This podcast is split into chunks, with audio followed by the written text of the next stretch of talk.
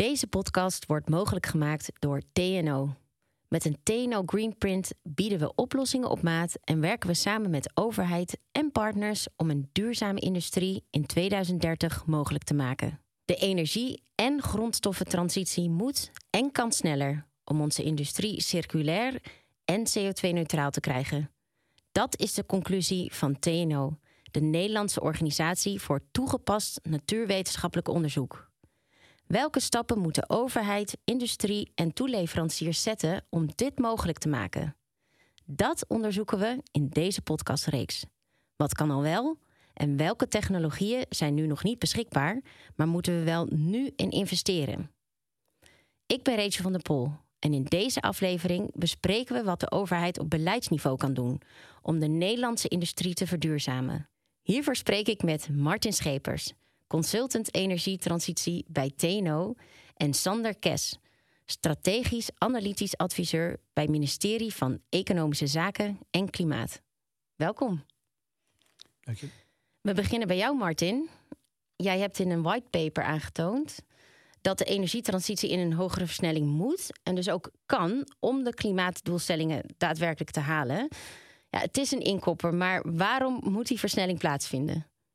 Ja, dat is eigenlijk, heeft natuurlijk alles te maken met het klimaatprobleem. en uh, uh, de versnelling is nodig om minder CO2-emissies in de atmosfeer te krijgen.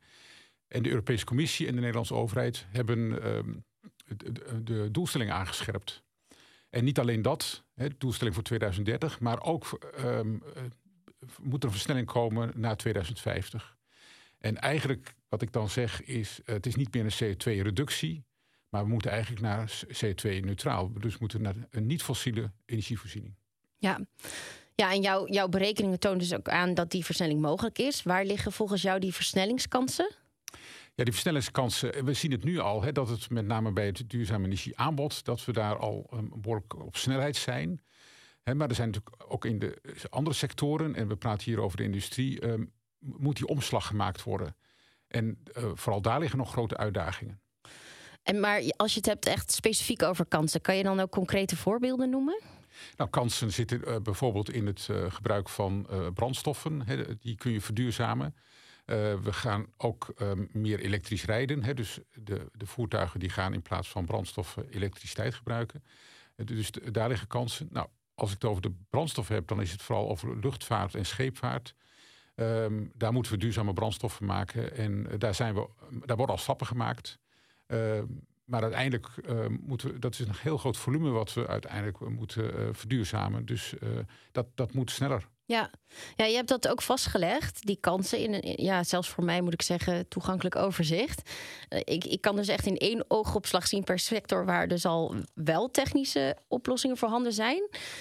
Uh, maar dus ook waar nog oplossingen ontwikkeld moeten worden. Dat geef je dan aan met een uh, geel, oranje of rode bol. En dan zie ik dus bij de sector industrie bijvoorbeeld een rode bol bij technische oplossingen. Wat betekent dat concreet? Ja, in de industrie er zijn dus allerlei productieprocessen. En die productieprocessen die moeten verduurzaamd worden. Daar hebben we andere uh, processen voor nodig. Sommige van die processen, die, die technieken, die staan nog in het laboratorium. En met name het verder ontwikkelen en opschalen van die technologie, dat kost veel tijd. Eh, en we weten uit, eh, uit, uit de historie dat dat wel 10, 15 jaar kan duren. Ja, we hebben niet zoveel tijd, dus dat moet sneller. Um, en, um, en de industrie zal ook moeten gaan investeren uh, op dat soort nieuwe technologie. Ja, maar als je dan bijvoorbeeld kijkt naar de metaal- of glasindustrie, um, nou ja, dat, daar zou dan dus een rode bol voor staan. Welke oplossing ligt dan in het lab? Nou, uh, de, de, de, de techniek om uh, met waterstof staal te maken, dat is eigenlijk nog iets wat. Uh, ja, dat moet er vooral opgeschaald worden. Dus die, die techniek is wel bekend. um, bij de, bij de, de gas-glas, dat zou je met ovens kunnen doen op waterstof. Maar dat ook om, het gaat hier om de schaalgrootte waar dat op moet plaatsvinden. Je zou het ook elektrisch kunnen doen, maar daar heb je andere ehm, elektrische ovens voor nodig, die er nu nog onvoldoende zijn. Ja. Dus, dus de, dus er is een verschil tussen dat er al een oplossing is of dat de infrastructuur er ligt? Um, de infrastructuur is eigenlijk nog een ander vraagstuk. Ja. Hier gaat het echt om de, om de apparaten zelf. Ja. He, die uh, er kleinschalig wel zijn, maar in grootschalig nog niet uh, worden toegepast. het is duidelijk als je in plaats van dat je een gas, aardgas gebruikt voor een oven en je gaat dat elektrisch doen, dan zul je de elektriciteitsinfrastructuur moeten verzwaren. Dus dat is een andere uitdaging. Ja, Sander, ik ga nu even terug naar jou. Ehm, wat doet de overheid op dit moment qua beleid concreet uh, om die energietransitie waar Martin het over heeft, hè, de oplossingen, de technische oplossingen die voorhanden liggen, de infrastructuur die daarvoor nodig is. Wat doet de overheid om dat te versnellen en te faciliteren? Ja, in de eerste plaats uh, uh, is er dus een klimaatwet ingesteld, waardoor waar gewoon uit blijkt wat de doelstelling voor de lange termijn is. Uh, voor 2030. En uh, er wordt ook gekeken naar wat we moeten doen voor 2050. Dat geeft dus richting aan de markt. Die kant gaan we op. En dat uh, wordt dan, die, die richtingen worden ondersteund door op vier manieren. Dus het eigenlijk, het is, het is echt veel wat er gebeurt op dit moment. op allerlei fronten zijn departementen bezig om de, de, de klimaatsectoren aan de, aan de slag te krijgen. En uh, dus, uh, dus, mobiliteit, landbouw, gebouwde omgeving, industrie en elektriciteit natuurlijk. Uh, industrie is een hele belangrijke. Um, daar zijn wij bij SK vooral mee bezig. En we, kijken, we gebruiken daar naar, ehm, naar vier instrumenten op hoofdlijnen, zeg maar. Daar pak ik er even uit. Um, in de eerste plaats is, eh, het Europees beleid uh, heel belangrijk. Dus er komt veel vanuit Europa op, op Nederland af, waar wij natuurlijk aan moeten voldoen. En het belangrijk element daarin is de beprijzing van emissies. We hebben al een, al een, een, hele lange periode emissiehandelssysteem, maar eigenlijk is pas sinds kort, sinds de invoering van de Green Deal, ehm, op Europees niveau dus die, die ETS-prijs uh, fors omhoog gegaan. Daar in die Green Deal staat ook dat de gratis rechten voor emissiehandel sneller worden afgebouwd. Dat betekent dat uh, emissies uh, een prijs krijgen. Dat het niet meer gratis is om zomaar de lucht in te sturen. Um, en daar is de, de markt al op gaan, gaan anticiperen. Dus die, die prijs is al naar, naar 90 euro per ton gegaan. Dat is wel een heel sterk signaal naar de industrie. Het wordt dus onrendabel om uh, emissies uit te stoten. Klopt, ja. Je kan niet stil blijven zitten als industrie als je in, uh, in Europa wil, uh, wil blijven produceren. Dat is eigenlijk wat het belangrijkste signaal is daarvan. En in 2021 heeft het kabinet toen de tijd um, ook een nationale CO2-heffing ingevoerd. Omdat de ETS-prijs toen nog niet zo hoog was. En wij wilden ervoor zorgen dat de Nederlandse industrie wel in actie zou komen. En die, die ETS-prijs, ehm, ja, die wordt dus dan aangevuld met de nationale CO2-heffing. En die heffing die gaat omhoog in de tijd. Uh, om te zorgen dat je dus uh, um, ook nog tijd hebt als industrie om de plannen te maken, om de grote investeringen te doen. Het gaat om installaties die soms al uh, 20, 30 jaar meegaan. Um, dus Nederland deed er eigenlijk nog een schepje bovenop. Nou, we wilden die vooral. Beprijzing. Ja, maar we wilden vooral zorgen dat, er, dat we sneller zouden gaan. Dus dat we eerder zouden beginnen. Ja. Nou, ten tweede zetten we in op subsidies. Um, er zijn uh, projecten die bedrijven willen gaan doen om emissies te reduceren. En die zijn nog uh, onrendabel. Zelfs als je rekening houdt met die uh, gestegen ETS-prijs en de nationale CO2-heffing. Dus die onrendabele top, zoals dat heet, die willen we subsidiëren. Zodat ze daar wel mee kunnen gaan beginnen. Ja, derde is uh, het aanleggen van infrastructuur. En dat is uh, natuurlijk heel belangrijk. Want uh, ja, als je als bedrijf niet weet of je straks wel die waterstof krijgt of genoeg groene elektriciteit. Um, of dat je dus de buisleidingen niet hebt om CO2 af te voeren naar waar, ze op, waar het opgeslagen wordt. Ja, dan ga je ook niet beginnen aan zo'n groot project. Het is een heel dure project en miljarden soms mee gemoeid zijn.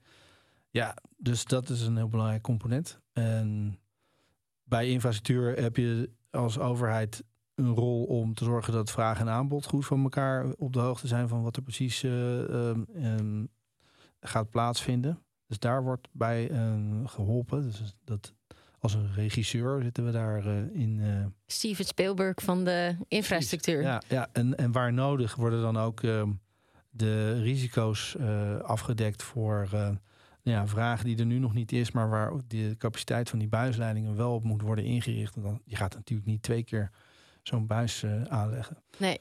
En het laatste is dan um, de wet en regelgeving. En dat is heel belangrijk, want natuurlijk, ja, wet en regelgeving moet wel ervoor zorgen dat uh, nieuwe technieken ook mogen worden toegepast. En ja, dat is niet altijd uh, het geval. En soms uh, zijn wij bij het Rijk niet eens op de hoogte dat er knelpunten zijn, maar zit dat ergens op decentraal niveau of op supranationaal niveau, bijvoorbeeld bij de EU. dus daar moeten we um, ja, heel scherp op zijn van welke, welke instrumenten en ehm, welke wet en regelgeving moeten worden aangepast om dat allemaal mogelijk te maken. Ja, je zei het al, er gebeurt heel veel. Gebeurt er genoeg? Ja, genoeg. Um, ik denk, ik denk uh, het wel eigenlijk. Um, er wordt continu nog weer getweakt aan hoe het nog beter kan. Dus, uh, dus niemand zit stil op dit terrein. Er is heel veel druk op de ketel om uh, de aangescherpte doelen van het kabinet voor 2030 te gaan halen. Um, ja, dus er gebeurt echt heel veel.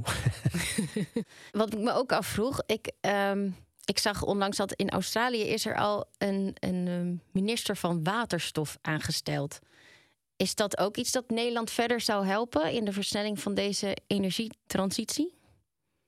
Nou ja, het is, ik vind het wel leuk uh, dat ze dat uh, hebben gedaan. Um, of is het meer PR-stunt?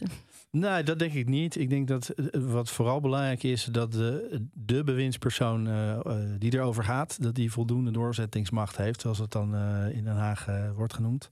Dat die dus echt kan ehm, bepalen van oké, en nu gaan we het zo doen. En dan moet er, ja, dan moeten dus ook um, andere zaken die we ook belangrijk vinden, normaal gesproken, die moeten dan wijken. Ja. ja, dus hij moet wel een mandaat hebben. Hij ik bedoel, het is leuk zo'n titel, maar ja. dan moet je ook knopen kunnen doorhakken. Ja, dat is het belangrijkste. Niet zozeer of dit nou minister van Waterstof is of uh, minister van Klimaat en Energie. Of, uh, ja. ja. Hoe kijk jij ernaar, Martin? Nou, ik vind dat er al best wel veel aandacht voor waterstof is. Hè. De waterstof, de e-, elektrolyses die er moeten komen hè, om waterstof uit groene stroom te kunnen maken. Een backbone voor, voor waterstof. Um, dus dat is, gaat goed. Ik denk dat er nog iets meer moet. En dan moeten we kijken naar de koolstof. Want uiteindelijk om synthetische brandstoffen te maken... zul je ook duurzame koolstof nodig hebben. Duurzame koolstof? Ja. Kan je uitleggen wat dat is? Dat is nou, dat is het andere. Eh, dat is anders dan fossiele koolstof. We gebruiken nu nog steeds fossiele koolstof. En de duurzame koolstof die uh, kan komen uit recycling van uh, uh, plastics bijvoorbeeld. Of uit biogrondstoffen. En uiteindelijk zou je ook nog CO2 uit de lucht kunnen, kunnen halen. Maar even heel simpel. Hè? Ik, ik stop duurzame koolstof in een oventje om iets aan te jagen. Daar heb ik dan geen CO2-uitstoot van. Daar heb je dan wel. Nou, dat, het gaat er even om waar die koolstof uh, voor gebruikt wordt. En uh, waar ik met name op doel is de, ehm, de koolstof die we nu gebruiken als grondstof. En, en we gebruiken best nog een boel, olie, gas en kolen als grondstof. En als we dat niet ook verduurzamen, dan houden we daar uiteindelijk ook emissies aan over. Um, en wij hebben analyses gemaakt en dan zie je op zeker moment dat, dat je in de industrie gewoon een koolstoftekort krijgt. Dus naast waterstof moet er ook wat daar moet ook een oplossing voor komen. Aandacht zijn voor koolstof. Ja. Besteden jullie daar ook aandacht aan bij het overheidsbeleid? Duurzame ja. koolstof? Nee, absoluut. De circulaire koolstof heet het dan. Uh, uh, dat doen we dan samen met uh, het ministerie van Infrastructuur en Waterstaat. En um, ja, er loopt al langer een circulaire, uh, ja, circulaire economieprogramma. Um, en dat, ja, dat wordt nu dus eigenlijk nog een, versnelling aangegeven. En er is ook een motie onlangs aangenomen die, die vraagt om een nationale grondstofstrategie. Dus die wordt ook in de stijgers gezet nu. Maar inderdaad, uh, wat Martin zegt, ben ik helemaal mee eens. En dat, dat hebben we ook aangereikt gekregen door ons, de adviseurs vanuit het Sustainable Industry Lab dat we subsidiëren. Ehm, daarin werken een aantal academici vanuit het hele land aan goede ideeën voor verduurzaming van de industrie. en een van de zaken die zij hebben benoemd is van ja jongens, het kan niet alleen. Dus waterstof is heel belangrijk voor de voor de energie-input. Ehm, maar we hebben koolwaterstoffen nodig om plastics mee te maken, bijvoorbeeld. En, en brandstoffen voor inderdaad die scheepvaart, luchtvaart. Ehm, als je dat uh, gaat verduurzamen, dan moet je dus inderdaad ook kijken van hé, hey, waar komt die koolstof eigenlijk vandaan uh, in 2050? Als we het niet meer uit olie kunnen halen. Ja. Dan moet je dus uh, of afval gaan importeren of inderdaad bio, biomassa. Um, een deel kunnen we zelf maken. bijvoorbeeld ook biomassa op zee, in de zee telen. Dat is tussen de, tussen de windmolens. Stel ik me dan zo voor. Um, ja, dat zijn allemaal volgens mij ook terreinen waar Nederland ook kansrijk is. Um, en, en nu dus ook die versnelling um, in kan gaan. Um, om ook koplopersposities te pakken op een aantal van die, van die terreinen. Zodat je ook toonaangevend bent en ook exportkansen hebt weer. Ja, ik vind het leuk dat je dat zegt over, over Nederland als kansrijk land. Uh, minister Adriaanse van Economische Zaken en Klimaat. Zij schreef dat ook in een industriebrief naar de Tweede Kamer. Ze zei: Te vaak zit de industrie in een negatieve hoek, maar industrie is juist een cruciaal onderdeel van de oplossing. En ik denk dat dat ook um, naar de burgers toe, om maar zo te zeggen, een heel belangrijke boodschap is. Want je kan wel zeggen: ja, weg met de olie, weg met. Maar ondertussen zitten we nog wel met een complete maatschappij die daarop draait. En hoe draaien we dat om en in een kans? Ja, helemaal eens. Um, ja, het is inderdaad zo dat, dat het volgens mij vanuit het kabinet niet wordt gezien uh, van uh, nou, de toekomst ziet eruit op een hele andere manier. We, um, wel duurzaam, maar eigenlijk uh, consumeren we in de basis nog steeds dezelfde type producten. Um, en die moeten toch ook weer ge gefabriceerd worden. En de industrie doet dat. Um, dus het zijn, ja, de industrie verzorgt een heleboel basisbehoeften. Um, en daarvoor heb je bijvoorbeeld plastics nodig. Ja, die kun je, die kun je wel op een andere manier gaan maken. Dat moet duurzaam. En dat, uh, dat, uh, die overgang, die transitie, die stimuleren we dus ook uh, ja. op een aantal manieren. Ik uh, lees regelmatig ook in de media uh, columns waarin dan de overheid wordt verweten dat ze niet daadkrachtig genoeg is in het uh, beleid van energietransitie.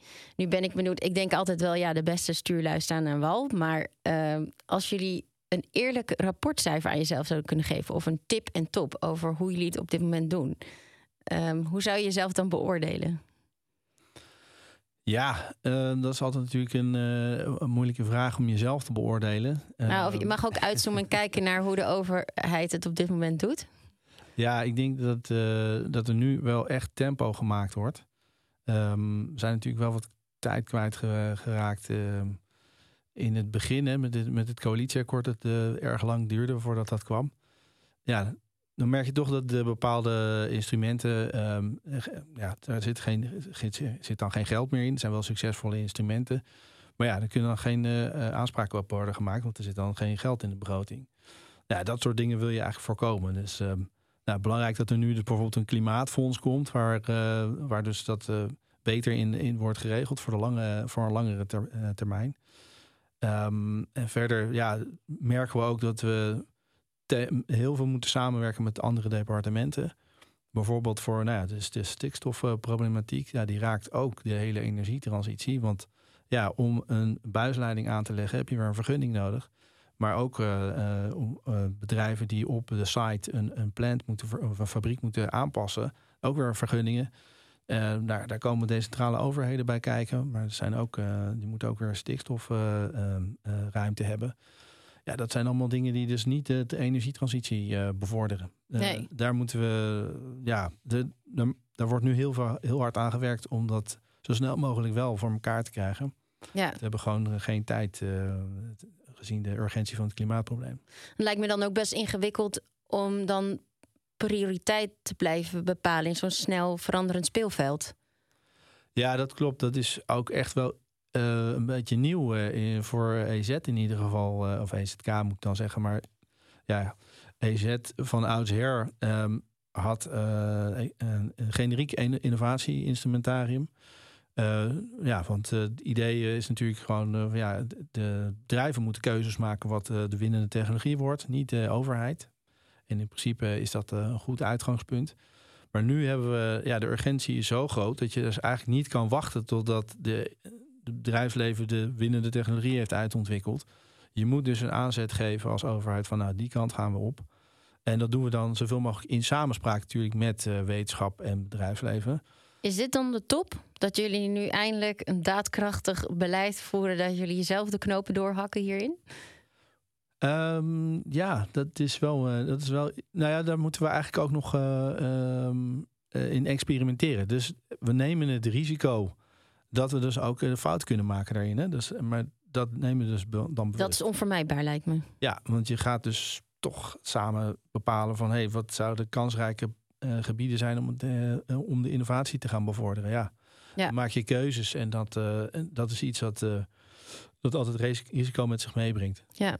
Martin, wat is jouw tip en top voor, de, voor het overheidsbeleid? Um, nou, de top. Uh, um, of, als je kijkt waar we een aantal jaren geleden keken we naar duurzame elektriciteit. En toen vonden we dat Nederland achterliep. En inmiddels uh, groeien wij zo snel. Wij groeien sneller in de, met groene elektriciteit dan onze buurlanden. Dus goed beleid samen met goede technologieontwikkeling, uh, dat kan ervoor zorgen dat we dat, dat tempo maken. Dus um, dat vind ik top. Nou, die, die, top zou ik graag ook zien in de industrietransformatie. Uh, en mijn tip zou zijn: um, kijk niet alleen naar de um, fabrieken zelf, hè, de, de, de, die, die veranderd moeten worden, maar kijk ook naar de, vooral de, de, de keten, de productieketen van grondstof naar het uiteindelijk eindproduct. En niet per se hoeft alles in Nederland te hoeven plaatsvinden. dus wij moeten die dingen doen waar we in Nederland goed in zijn. Maar wat bedoel je specifiek met kijk naar de keten? De keten, hè, eh, om maar even een voorbeeld te nemen van, van, van plastics. Hè. Ehm, eh, je hebt grondstoffen, nou dat komt nu uit de olie. Dus de, de, de olieraffinage maakt nafta. Daar maak je um, chemicaliën uit, basischemicaliën. En uiteindelijk komen daar de plastics. En dat zijn allemaal aparte fabrieken. En, de, en die plastics worden dan gebruikt weer uh, in allerlei producten. En um, die fabrieken die die producten maken, staan niet allemaal in Nederland. Um, wij moeten goed kijken hoe dat in zo'n duurzame keten dan, dan zit. En uh, moeten, dat moet ook circulair. Dus je moet uiteindelijk um, in de, die, kringloop, kringloop ook sluiten. En dan is het belangrijk ook Nederland meer in, nou, tenminste in een Europese schaal te zien.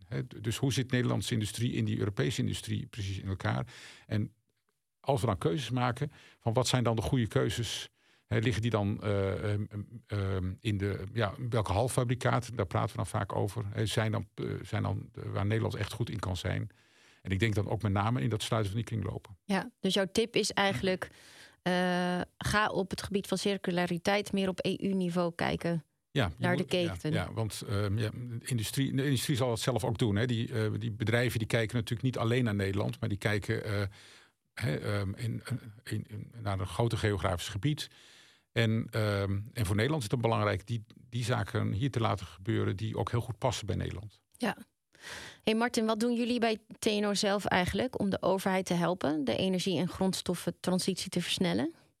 Ja, ik heb heel veel collega's die werken aan die uh, technologieontwikkeling. Hè. Eh, we begonnen al even over de labs. Hè. Die ja. zijn in die labs ja. bezig en die zijn natuurlijk heel met, de industrie bezig om al die ontwikkelingen uit die labs te krijgen en uh, die opschaling. Um, ik hou mezelf bezig met, met analyses en ook scenario-studies. Um, om te kijken van ja, hoe kan zo'n energietransitie, maar in dit geval ook een uh, in, industrietransformatie, hoe kan die plaatsvinden? Wat zijn, welke technologieën maken daar kans? Welke, ook welke ketens zijn kansrijker? Um, en ja, wat is daarvoor nodig in termen van ja, hoeveel elektriciteit, hoeveel waterstof, hoeveel biogrondstoffen. Um, en dat soort analyses maken we op lange termijn om, om vooral ook dat doel op de lange termijn te kennen. Zodat je een soort stip op de horizon uh, hebt. Vooruitkijken is regeren, toch? Ja, zo kun je het zeggen. Uh, dus, dus nou ja, we hadden het net over regeren, regie nemen, hè, ja. wat de EZK nu gaat doen. Hè, dan heb je ook dat soort uh, inzichten wel nodig. zeker als je daar keuzes in moet maken. En daar kunnen wij bij helpen. Ja, Um, en op wat voor manier werken jullie twee samen? Uh, nou ja, wij kijken uh, wat Martin opschrijft in zijn toekomstscenario's. Um, want daaruit blijkt dan toch ook van ja, welke technologieën hoef je. Ja, zijn allemaal, allemaal van belang voor de toekomst. Er zit bijvoorbeeld ook carbon capture en storage bij, hè, CCS. En, en straks dan ook CCSU. nou ja, dat zijn dingen die we dus graag willen weten, zodat je dus het, het beleid zodanig in kan richten dat, daar, dat die routes uh, van innovatie uh, en, en techniekontwikkeling en opschaling uh, helemaal doorgelopen kunnen worden. Nou, en dan blijkt dus dat er, dan kom je allerlei knelpunten tegen. Niet alleen in de techniek, maar bijvoorbeeld ook in, in wet en regelgeving. En daar, daarvoor is inderdaad zo dat uh, belangrijke wet en regelgeving op Europees niveau gemaakt worden.